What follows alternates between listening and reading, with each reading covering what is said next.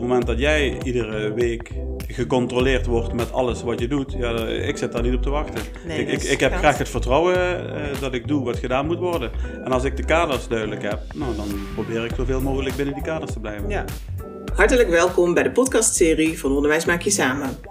Mijn naam is Brigitte van Rossum en ik ben docent in de leiderschapsopleidingen van Onderwijs Maak Je Samen. En mijn naam is Job Christians, directeur-eigenaar, eveneens van Onderwijs Maak Je Samen. Deze podcastserie is bedoeld voor iedereen die werkt in het onderwijs of in een kindcentrum. In ieder geval iedereen die iets heeft met het onderwerp leiderschap. En die werk wil maken blijvend van zijn of haar leiderschap. Haal eruit wat er voor jou in zit en we wensen je heel veel plezier met deze podcastserie. Ja, welkom bij weer een nieuwe podcast. En eh, deze podcast eh, die doe ik met een gast. Een gast die ik nog ken uit de tijd eh, dat ik nog docent in een masteropleiding was voor Leadership of Education.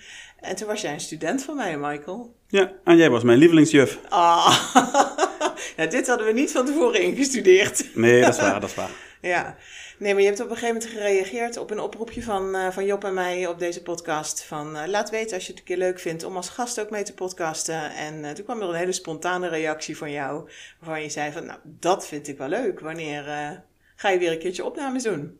Zeker, ja. Want voor mij is het eh, de allereerste keer dat ik hier aan eh, deel mag nemen aan zo'n opnamepodcast.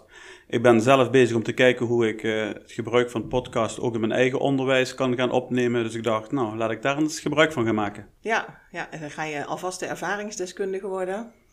Want jullie gaan het op school met leerlingen doen, podcasten. Ja, dat is wel de bedoeling inderdaad. Ja, leuk. Vertel eerst eens wie je bent, waar je werkt. Ik ben Michael Vos en ik werk sinds drie jaar als directeur op SO en VSO de Widdingsschool in Weert. Ja.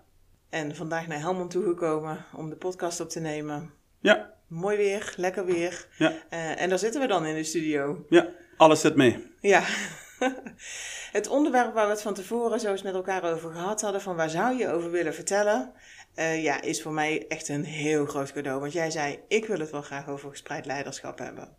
Zeker. Wat maakt, wat, wat heb jij met dit onderwerp? Nou, in principe sta ik op en ga ik naar bed en ben ik alleen maar tussentijd bezig om, eh, om mensen proberen eh, om het beste in eh, mijn collega's naar boven te halen. En dat doe ik vooral door me niet te bemoeien met waar mijn collega's heel veel verstand van hebben, maar wel om te kijken hoe ik ze kan ondersteunen om het zelf, het beste in hunzelf naar, naar boven te halen. Ja, en dat ondersteunen, dat gaat niet vanzelf. Nee, dat is in principe best hard werken. Maar het is niet erg om hard te werken als je het gevoel hebt dat je in controle bent en dat je alles overziet. En dan is het juist heel leuk om hard te werken. Ja. Kun je eens een voorbeeld noemen van hoe je mensen ondersteunt? Eh, nou, in principe, kijk, ik heb eh hoog opgeleide professionals die bij mij op school werken in een context die heel spannend en dynamisch en turbulent is. Want het is een speciaal onderwijssetting, dus we hebben eh, kinderen die allemaal op het gebied van het gedrag met name een uitdaging hebben. Ja. En eh, het systeem om onze kinderen heen, die, eh, die eh, hebben ook vaak uitdagingen waar ze zich mee geconfronteerd zien. Om die kinderen nou zo goed mogelijk te bedienen, heb ik niet zomaar collega's nodig, maar ik heb de beste mensen in onderwijsland heb ik nodig. En die heb ik grotendeels om me heen. Wat ook maakt dat mijn werk heel plezant is.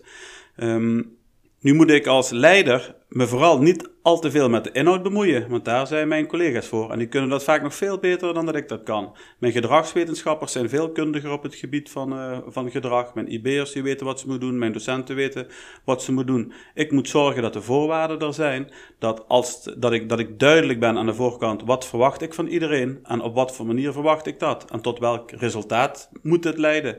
En dan geef ik collega's alle ruimte om binnen kaders die we afspreken te doen wat ze moeten doen. En eh, als het iets meer mag zijn, dan verwacht ik van mijn collega's dat het iets meer gaat zijn. En op het moment dat het iets minder kan zijn, om wat voor omstandigheid dan ook, vind ik het helemaal prima dat het even iets, eh, iets minder is. En op het moment dat collega's in een confrontatie terechtkomen waarvan ze zeggen: dit is lastig, of ik neig in de problemen te komen, of dit leidt tot spanning, of het is moeilijk, dan mag je altijd zonder uitzondering leunen op de mensen die naast je staan of mij bellen. En het heeft niks met contracturen te maken of met het is avond of het is weekend. Je doet wat gedaan moet worden. Eh, want dat vraagt onze doelgroep nou eenmaal. Ja, maar daarnaast heb je dus wel echt, eh, behalve dan dat je duidelijkheid hebt gegeven in kaders, ehm, eh, zorg je ook voor een heel sterk sociaal vangnet. Ja, ja, Ja. En dat zeggen heel veel scholen. Kijk, uh, het kind staat centraal of de leerkrachten staan centraal. Maar ik probeer echt samen met mijn team dat ook zo, zo neer te zetten. En die duidelijkheid die gaat van uh, wat wordt er van je verwacht? Hoe uh, lever je nou resultaten en hoe, hoe kan ik zien dat je het beste uit jezelf of uit onze kinderen gehaald hebt?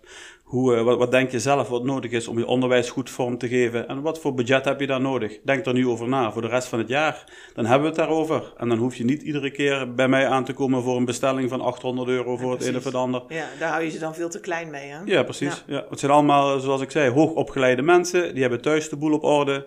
Die kunnen prima overzicht houden en verantwoording afleggen daar waar, uh, waar zij uh, voor naar school komen. Ja. ja, en zelfs al zouden ze thuis niet de boel op orde hebben.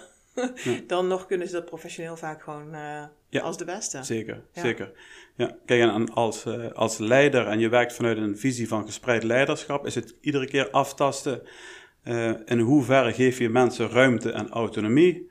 En op het moment dat je te veel ruimte geeft, dan creëer je weer onrust. Of wat wordt er nou eigenlijk van me gevraagd? En dan ga je dat zelf proberen in te vullen. Dus dat is iedere keer de opdracht.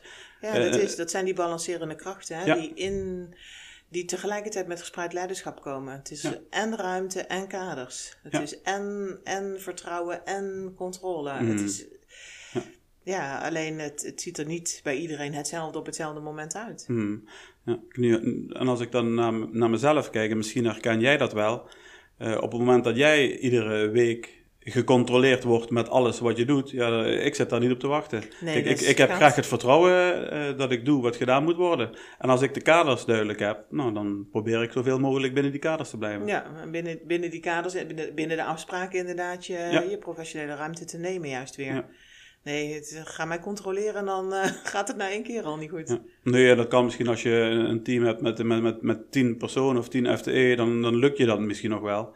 Maar op het moment dat de schaalgrootte veel groter is, dan uh, moet je je gaan afvragen waar je eigenlijk mee bezig bent, denk ik dan. Hè? Ja, ja. Ja, want je hebt, uh, jij hebt het over een behoorlijke schaalgrootte. Ja, ongeveer, als ik echt alleen de, de betaalde professionals, ongeveer 45 personen. Ja. Ja. En je zei, ik sta ermee op en ik ga ermee naar bed. Ja, kijk, wat zeker in onze tak van, uh, van onderwijs, uh, nou laat ik zeggen, je hebt mensen die werken op basis van de letter van hun contract.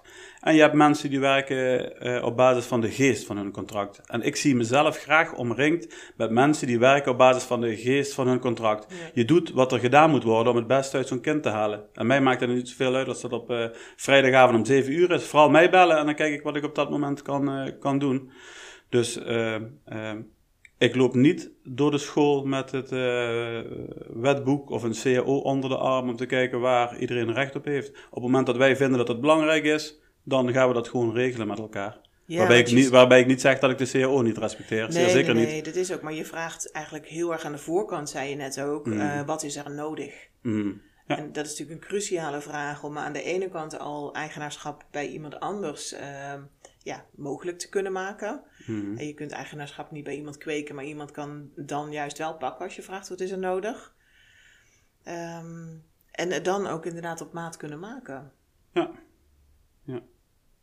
Ja, en je ook al nooit op maat zijn. Nee, precies. Kijk, en het, het voorbeeld wat ik vaak noem is dan, uh, dan noemen ze dat geloof ik als iemand uit de eerste graad overlijdt, dan heb je, weet ik niet, één dag of twee dagen heb je verlof of zoiets. Hè. Ik dat denk kan. dan, Ik kijk nu al net zo wazig. ja, precies. Kijk, ik denk dan, uh, een collega daar overlijdt de buurvrouw van, die hebben een super hechte relatie. Wie Ja. ben ik dan om te zeggen dat, dat hij niet naar de uitvaart gaat? Natuurlijk ga je naar de uitvaart. Dat is voor mij zo vanzelfsprekend. Dat, Ja. eh, ja, Kijk, en, en op het moment dat je, dat je de collega's ook op zo'n moment de ruimte gunt, dan krijg je daar aan de andere kant ook eh, loyaliteit voor terug. Op het moment dat iemand anders een keer eh, een, eh, een schouder nodig heeft om op te leunen. Zo werkt dat. Hè. Dus het is niet alleen vanuit de leiderschapstheorieën, zoals jij als lievelingsjuf mij die ooit geleerd hebt, hè, maar een hele portie boerenverstand en gewoon even logisch nadenken en doen wat gedaan moet worden. Ja, En niet, niet bang zijn om te doen wat gedaan moet worden. Want in het, in, in een, het beeld wat, nou, laat ik het dan bij mezelf houden, wat vaak bestaat als je het hebt over gedeeld leiderschap, is dat het, het stuurt zichzelf wel aan en het, het gaat allemaal vanzelf, maar zo Nee, werkt dat niet. Hè? Het is echt geen zelfsturing. Zeker niet. Nee. Nee. En het hoeft ook al, niet altijd eh, democratisch te zijn. Hè. Soms is er gewoon iemand die eindverantwoordelijk is. Ja. En die neemt een besluit. En Ja. dat, dat mag leuk zijn of niet, of prettig of passen of wat dan ook. Maar iemand eh, moet soms besluiten nemen. En Ja. dat, eh, dat ja, moet je ook En niet weg juist gaan. binnen gespreid leiderschap moet je duidelijk zijn over waar, wanneer de zeggenschap ligt. Ja, zeker. Anders wordt het, wordt het gewoon een grote chaos. Ja. ja. En zo is het. Ja. Ja. Nou, heb jij ooit, eh, voordat je op deze manier begon te werken in je team, jouw visie op leiderschap daarop gedeeld? Heb je dat expliciet gemaakt? Of, eh, ja, ben daar nog zelf naar aan het zoeken van, moet je dat nou aan de voorkant delen, je visie op leiderschap? Of ga je dat gewoon doen en, en ben je eigenlijk vanuit een mensbeeld leider en, en volgt dan de rest op die manier? Nou, of ik dat helemaal aan de voorkant zo geëxpliciteerd heb, dat denk ik niet. Maar wat ik wel eh, iedere keer tijdens, eh, eh, noem bijvoorbeeld een teamvergadering. Dan vind ik het zo ouderwets dat een directeur, die staat dan voor de groep en die, die zet de teamvergadering voor. Nou, dat kan iedereen doen op basis van zijn expertise. Maar tijdens die teamvergaderingen, iedere keer probeer ik wel te ondertitelen wat ik altijd doe, waarom ik dat doe, waarom ik transparant ben. En soms is dat te, te transparant. Maar dat komt ook omdat de context zo dynamisch is. En gedurende de dag ben je met, laat zeggen, 40 dossiers bezig. Als ik ook nog moet onthouden wat ik tegen iedereen gezegd heb en Ja. wat ik eigenlijk bedoel en wat ik daarvan vind en hoe dat overkomt, dat kan helemaal niet. Dus ik denk, laat ik maar gewoon eerlijk zijn in goede tijden en in slechte tijden. Ja. Weet iedereen waar ze aan toe zijn. En dan eh, kom ik ook niet in een situatie dat ik, eh, dat ik iets gezegd heb of gedaan wat ik zelf toch weer, weer, eh, weer ga vergeten. En heb je ook gemerkt dat je mensen hebt moeten begeleiden om leiderschap te kunnen nemen? Dus om, om leiderschap te kunnen verwerven binnen hun collega's? Of dat er mensen nog heel erg bleven kijken van ja, maar Michael is toch de directeur? Hoe kan Ja, het? zeker. Ja. Ja. Ja. Kun je daar eens iets van beschrijven? Kijk, ik vind, eh, ik vind zelf dat ik heel benaderbaar ben. Ik zeg als iets is, bel of app of wat je zelf het prettigste vindt. Hè. Maar het feit dat ik iedere keer zeg van bel of, eh, of eh, benader me als er iets speelt. Ik kan dat wel proberen uit te stralen en zo ervaren. En je kunt alles tegen me zeggen. Maar dan nog hoor ik soms, ja, nu weet ik niet of ik daar wel mee, mee bij jou mag komen. Terwijl ik dan op mijn beurt zeg, ja zeker, alles mag je bespreken. Misschien moet ik er iets mee, misschien niet, maar... Dat is niet vanzelfsprekend dat dat zo, nee, dat dat nee zo dus je geeft ruimte, maar dan is het altijd nog aan die ander dat hij dan ook die Mm. ruimte Ja. moet durven Ja. innemen dan, hè? Ja, kijk, en een, een, een voorbeeld is, ik vraag collega's in, eh, laten we zeggen, november, als je nou volgend kalenderjaar op de allerbeste manier je onderwijs wil vormgeven, wat denk je dan aan financiën nodig te hebben om middelen, eh, onderzoeksmateriaal geactualiseerd, excursies met leerlingen, wat dan ook, wat heb je nodig? En een collega zegt, nou laat ik zeggen, ik heb 20.000 euro nodig. Dat zijn reële, reële bedragen. Dan eh, zeg ik dat is goed, of ik zeg dat is niet goed, of dat moet iets minder of iets meer zijn. Nou, vervolgens heb je van 1-1 tot 31-12 de tijd om het op te maken. Alles wat je niet opmaakt, komt niet ten goede van de kinderen, dus eh, vooral opmaken. Maar dan merk je bijvoorbeeld dat de een daar eh, heel eh, prettig mee omgaat en dat de andere toch fijn vindt om één keer per maand te checken hoe ver zit ik in de uitputting en wat is hier nog nodig en hoe kan ik dat bijsturen. Ja. En allebei is, is, is prima. Is helemaal oké, ja, hè? allebei is Ja, helemaal je prima. begeleidt dat gewoon heel gepersonaliseerd. Ja, Ja. ja. Ja, en dat maakt dat die klas van 45 jouw klas is geworden. Ja, en dat de, dat de collega's ook, eh, dat het welbevinden heel hoog scoort iedere keer in de peilingen. Dat ik 0,0 FTE verzuim heb nu.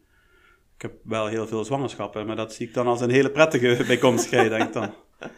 Ja, ja, dan mag je toch op zoek naar andere, andere mensen. En dan gaat er ook weer iets veranderen in de dynamiek. Zeker, ja. Ja. Kijk, en wat, wat ik zie gebeuren, zoals ik, zoals ik net zei, ik wil wel echt graag mensen om me heen die iets toevoegen. En eh, ja, iemand die toevallig ook een onderwijsbevoegdheid heeft en op zoek is naar iets anders, daar word ik niet per definitie enthousiast van. Maar wat ik zie gebeuren is dat iemand eh, echt een goede leerkracht, of wat, wat zijn discipline dan ook is, die komt in het team, die, die brengt ook iets. Andere mensen die, eh, die, die staan weer op, die krijgen weer frisse ideeën, dus dat Ja. brengt iets. Ja, Maar dus het omgekeerde, inspiratie. het ja. omgekeerde is, eh, is ook waar. Ja, Dus aan de voorkant eh, ook daar heel duidelijk in zijn. En vaak heb je gelukkig een match en soms pakt het wat minder gunstig uit. Ja. Ja, want dit is de eerste keer weer sinds een hele tijd dat je dus mensen gaat zoeken.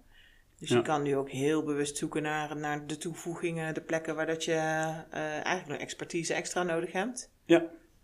Kijk, en nu is inderdaad, er zijn een aantal collega's zwanger. Dus ik dacht, eh, toevallig gisteren laat ik eens een, eh, een, een vacature weer eens publiceren. Nu is het wel zo dat ik iedere week meerdere mensen aan de telefoon krijg die interesse tonen in onze school. Dus die komen ook gedurende de weken, lopen ze wel eens een dag mee. Dus onze school heeft gelukkig een heel sterk imago. En dus gisteren, we hadden het er net over, over LinkedIn als medium in het voorgesprekje.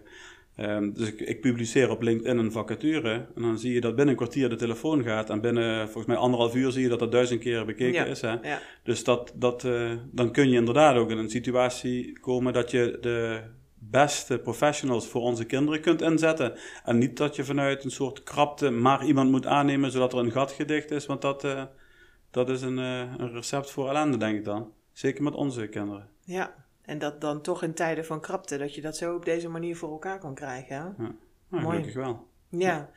Wat vraagt het van jouw leiderschap? Of wat vraagt het van jouw eigen eh, zelfmanagement? Zijn er, zijn er dingen waar, je, waar je zelf tegenaan loopt dat je denkt, ah, oh, niet handig aangepakt? Ja, kijk, en wat ik, wat ik uh, zijn eigenlijk twee dingen als ik zeg van, uh, nou Michael, daar, uh, dat is iets waar je actief mee aan de slag uh, moet en ik ook ben. En dat is enerzijds de, de juiste balans zoeken bij de juiste mensen, waar geef je ruimte en waar zit je wat strakker in de wedstrijd. Dus die balancerende vaat inderdaad, dat, dat behoeft altijd aandacht. Ja. En dat kan ook per schooljaar weer verschillen bij dezelfde mensen. Ja, en ook zeker. bij Per ehm, dossier, bij dezelfde mensen zelfs. Ja, ja. ook bij mezelf. En een tweede punt waarvan uh, ik zie dat andere mensen uh, die fout ook wel eens maken, en ik in het verleden ongetwijfeld ook wel gemaakt heb, is dat je binnen het onderwijs verschillende rollen hebt uh, vervuld. Dus ik ben zelf in het verleden als leerkracht, of als IB'er, of als zorgcoördinator, of als coördinator aan de slag slag gegaan. Dus wat je haast neigt te gaan doen is op het moment dat er zich een situatie voordoet, dat je vanuit je oude reflex denkt, oh, ik zou dat zo doen. En binnen twee minuten heb ik het opgelost. Denk ik dan. Maar rustig ademen, op je handen blijven zitten, vertrouwen in het uh, oordeel en de acties van de professionals. En ze daar op hun manier in, uh, de juiste dingen uh, laten doen. Of niet de juiste dingen. En dan heb je het erover, leer je met elkaar en weer door. Dus vooral ook af en toe vertragen en niks doen. Ja, inderdaad. In plaats van in die oplossingenmodus te gaan zitten en, en het hmm. over te nemen en daarmee eigenlijk de ander ja, onbedoeld kleiner maken. Ja, precies. Te belemmeren inderdaad. Ja, En dat, dat zie ik wel veel gebeuren. Dat directeuren zich met de kleinste dingen bezig gaan houden in de school. Terwijl ik denk, in de school hoef ik me niet zoveel te bemoeien. Want dat weten die mensen wel. Ik moet zorgen dat ik aan de school werk, dat de voorwaarden er zijn, dat de financiën op orde zijn, dat het personeelsbeleid in orde is, dat iedereen tevreden is, dat ik het beste uit de mensen haal. Dat is mijn core business. En niet bezig zijn met uh, uh, pauzeroosters of uh, bestellingen van boeken of, of wat dan ook. Ja. Mooie boodschappen. We zijn in no time uh, door het kwartiertje podcast heen gegaan. Uh, ik ga je ontzettend bedanken voor uh, dat je aan deze podcast bij wilde dragen.